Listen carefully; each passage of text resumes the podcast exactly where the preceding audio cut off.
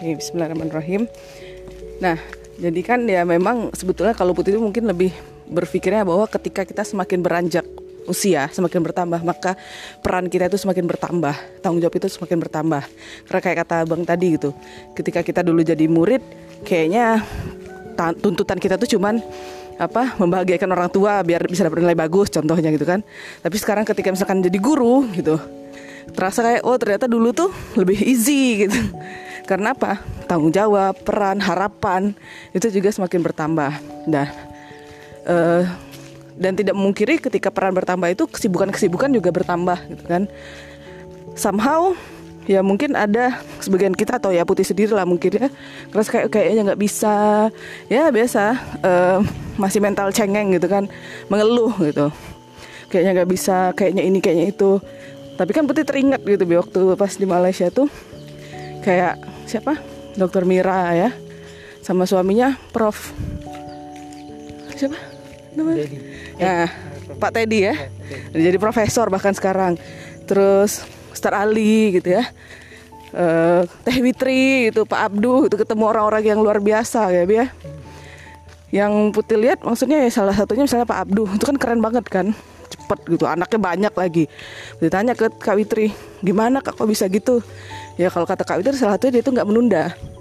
Deadline tugas tanggal berapa dia udah langsung ngerjain begitu dapat terus Kak Witri itu sendiri gitu. Padahal baru habis ngelahirin sesar lagi. Dua hari habis ngelahirin udah ke kampus. Mungkin itu ada kaitannya sama keberkahan waktu kali ya iya uh, kan di Al-Quran itu kan banyak ya, berbicara tentang apa uh, misalkan di surat-surat wal asr itu kan Allah berbincang tentang keutamaan waktu kemudian manajemen waktu. Semuanya itu kan kalau kita menggunakan waktu kita secara maksimal dan secara efektif maka segala cita-cita yang kita inginkan itu insya Allah uh, tercapai dan itu bisa jadi sesuai tepat uh, pada waktunya. Jadi yang membedakan antara orang yang sukses dengan tidak itu sejauh mana dia memaksimalkan waktunya. Ya jadi, jadi pemaksimalan waktu. Mantap pak. Sambil jalan pagi. Ya terus? Ya jadi eh, kalau abang pribadi sih sebenarnya ketidaksiapan kita untuk melepaskan hal-hal yang kita anggap enjoy. Padahal sesuatu yang enjoy itu bisa kita create, sesuatu yang kita anggap sesuatu yang berat itu bisa kita anggap dia menjadi ringan. Makanya uh, lebih kepada uh, pola pikir kita aja, kita menikmati. Dan banyak kalau mau kita uh, jadi motivasi-motivasi yang bisa kita munculkan bagaimana kita itu bisa berselera dalam beraktivitas tentu kan aktivitas itu yang positif selagi itu positif kenapa tidak uh, kita kerjakan. Belum lagi motivasi tentang pahala. Belum lagi jika kita membandingkan aktivitas kita dengan orang lain. Kita ini belum ada apa-apanya, masih bisa tidur 6 jam, bisa tidur bahkan 8 jam. Sementara mereka-mereka Pak Habibie aja tidur 4 jam. Jadi karakter-karakter uh, bagaimana kita bisa bekerja keras itu harus di dipaksa. Mungkin kita ini dalam tahap di awal. Dalam arti kita itu masih dalam tahap merasa terpaksa. Nah nanti kalau dia menjadi habit semuanya akan ya bergerak biasa-biasa saja. Nah sama dengan kita memulai jadwal kita bekerja jam 7 15 berangkat dari rumah. Tadinya kan lumayan berat. Bahkan kitanya tadi berangkat jam 7.45 kan kemudian berpindah menjadi 7.15 itu terasa sekali perpindahannya itu setengah jam itu harus lebih awal kan Nah, tetapi setelah itu akhirnya kita terbiasa dan ternyata 7.15 pun masih punya waktu bagi kita untuk jalan-jalan, bercerita, ngobrol, buat podcast lagi kan. Hmm. Nah, jadi kita yang memanage waktu kita. Jangan-jangan kita itu berat karena waktu kita kita gunakan dengan sesuatu yang sebenarnya banyak sia-sia yang tidak penting. Sehingga begitu datang deadline barulah kita mengejarnya. Jadi itu itu itu terasa beratnya padahal kalau kita atur sedemikian rupa yang mana penting, mana yang tak penting, uh, mana yang bernilai, mana yang tidak bernilai. Ya kita singkir yang tidak bernilai, akhirnya waktu itu lebih terasa panjang. Gitu. Iya, iya. Jadi memang kalau itu tadi gitu yang kita lihat dari mereka-mereka tuh ya kayaknya memang waktu itu berkah. Berkah tuh kan bertambahnya kebaikan demi kebaikan gitu kan. Walaupun banyak wal, uh, kan kalau kata ya Rafida Aziz itu kan busy itu kan orang nganggapnya sekarang busy itu sama dengan produktif gitu. Padahal busy itu bisa jadi dia nggak ke mana-mana pun kayaknya aja sok sibuk tapi kayak kecoa yang dibalik kakinya ya kayak kayak gitu gitu kan. Kakinya bergerak-gerak tapi ternyata nggak moving ke mana-mana gitu. Itu itulah busy. Nah jadi harus kita bedakan sebenarnya bukan produktif itu sama dengan busy gitu. Produktif itu ya benar-benar occupied. Terus juga hari-hari yang kita kerjakan tuh jelas gitu tujuannya. Jelas tujuannya, jelas mau capai ke mana, terus jelas poin-poin kebaikannya itu apa, gitu. Menambah kebaikan atau enggak gitu kan. Jadi iya. mungkin itu juga karena amalan mereka juga kali bi karena iya. kayak Teh Witri terus ya, Teh Mira tuh beliau tuh sering tahajud gitu kan. Ya, dia juga uh, pengorbanan. Kalau kita lihat Bang Abdul itu dalam menyelesaikan S3-nya, beliau itu pergi persis seperti orang office pergi jam 8 iya ke kampus. Nah itu kan ada pengorbanan di situ. Kita macam kalau Bang Abdul berkorban dia tidak bertemu sama istrinya beberapa jam.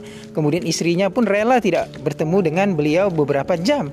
Nah ini kenapa? Jadi cepat selesai sehingga mereka itu bisa moving.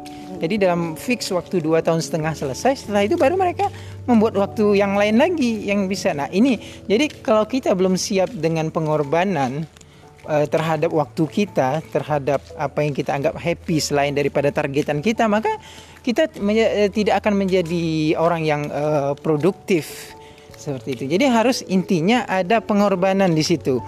Nah, walaupun pengorbanan di sini tidak mengorbankan yang lain, nah, tapi durasinya itu harus jelas. Iya, ya. pengorbanan dan selain itu juga ini niat kali ya. Kalau seseorang tuh udah niat banget, kalau pepatah Melayu itu kan kalau hendak seribu alasan kalau tak hendak seribu dalih kan? Ya sama misalkan ada mungkin ada orang yang mengeluh ah ngapain gitu kerja all out? Uh, tapi misalkan tidak dihargai misalkan kan? Nah itu juga ada reason-reason lain tapi kalau misalnya niatnya seseorang itu bukan karena uang misalnya karena kayak ya udah ini adalah kontribusi atau amal amal dia gitu kayak misalnya niatnya, produktif. niatnya itu produktif dan niatnya itu misalkan memberikan ilmu niatnya itu adalah memberikan kebermanfaatan sehingga tidak ada yang menghargai pun ya tetap tetap jalan walaupun tetap ya kalau misalnya dari segi profesional pekerjaan ya harusnya ada yang clear ya gitu ya Bia ya. tuh karena kan kalau kita lihat memberikan lebih lah dari porsi yang dia seharusnya ya jadi itu tadi ada closing statement bi tentang benar nggak jadi itu mereka waktu-waktu mereka yang produktif itu dan mereka karya tetap keren gitu ya? Yeah. itu adalah waktu yang berkah. Ya uh, kita lihat dulu standar kesuksesan itu seperti apa. Karena misalkan ada juga orang yang mendefinisikan sukses itu secara common dari sisi uh, mendapatkan harta tapi mungkin dalam keluarganya dia terlalai jadi banyak banyak aspek. Apa apa yang kita lihat appearance itu tidak bisa juga kita lihat dengan sesuatu yang uh, final ya. Sesuatu yang final tapi kita lihat juga apakah ada hal-hal lain yang terkorbankan atau ada hal lain yang porsinya terkurang. Nah, jadi uh, seperti itu. Bang jadi uh, kesuksesan betul-betul kita mungkin menilai uh, apa adanya apa yang tampak. Nah tetapi juga mungkin behind the scene itu juga harus uh, diperhatikan sehingga begini kita tidak melihat kesuksesan orang itu sebagai uh, bukan kesuksesan kita. Nah, contoh misalkan si A sukses lalu kemudian oh berarti aku nih uh, tidak sukses begitu. Nah, mungkin Jadi definisikan sendiri kesuksesan. Iya, definisi kesuksesan kita tapi tentu standarnya tidak melanggar uh, aturan syariat lah. Nanti jangan pula kalau orang itu dianggap uh, ini panjang lagi ceritanya. Mungkin itu aja lah ya kalau yang melihat yang tadi kan contoh-contoh yang disebutkan itu kan karena mereka itu e, dalam dunianya yang dilihat orang karir gitu kan itu kan bagus ya. tapi dalam dunia apa keseharian. dari segi keseharian dari segi keagamaan bahkan juga keren gitu ya. jadi itu yang balance tadi antara dunia dan juga akhiratnya itu sih kalau yang putih bisa belajar gitu bi ya. oke okay.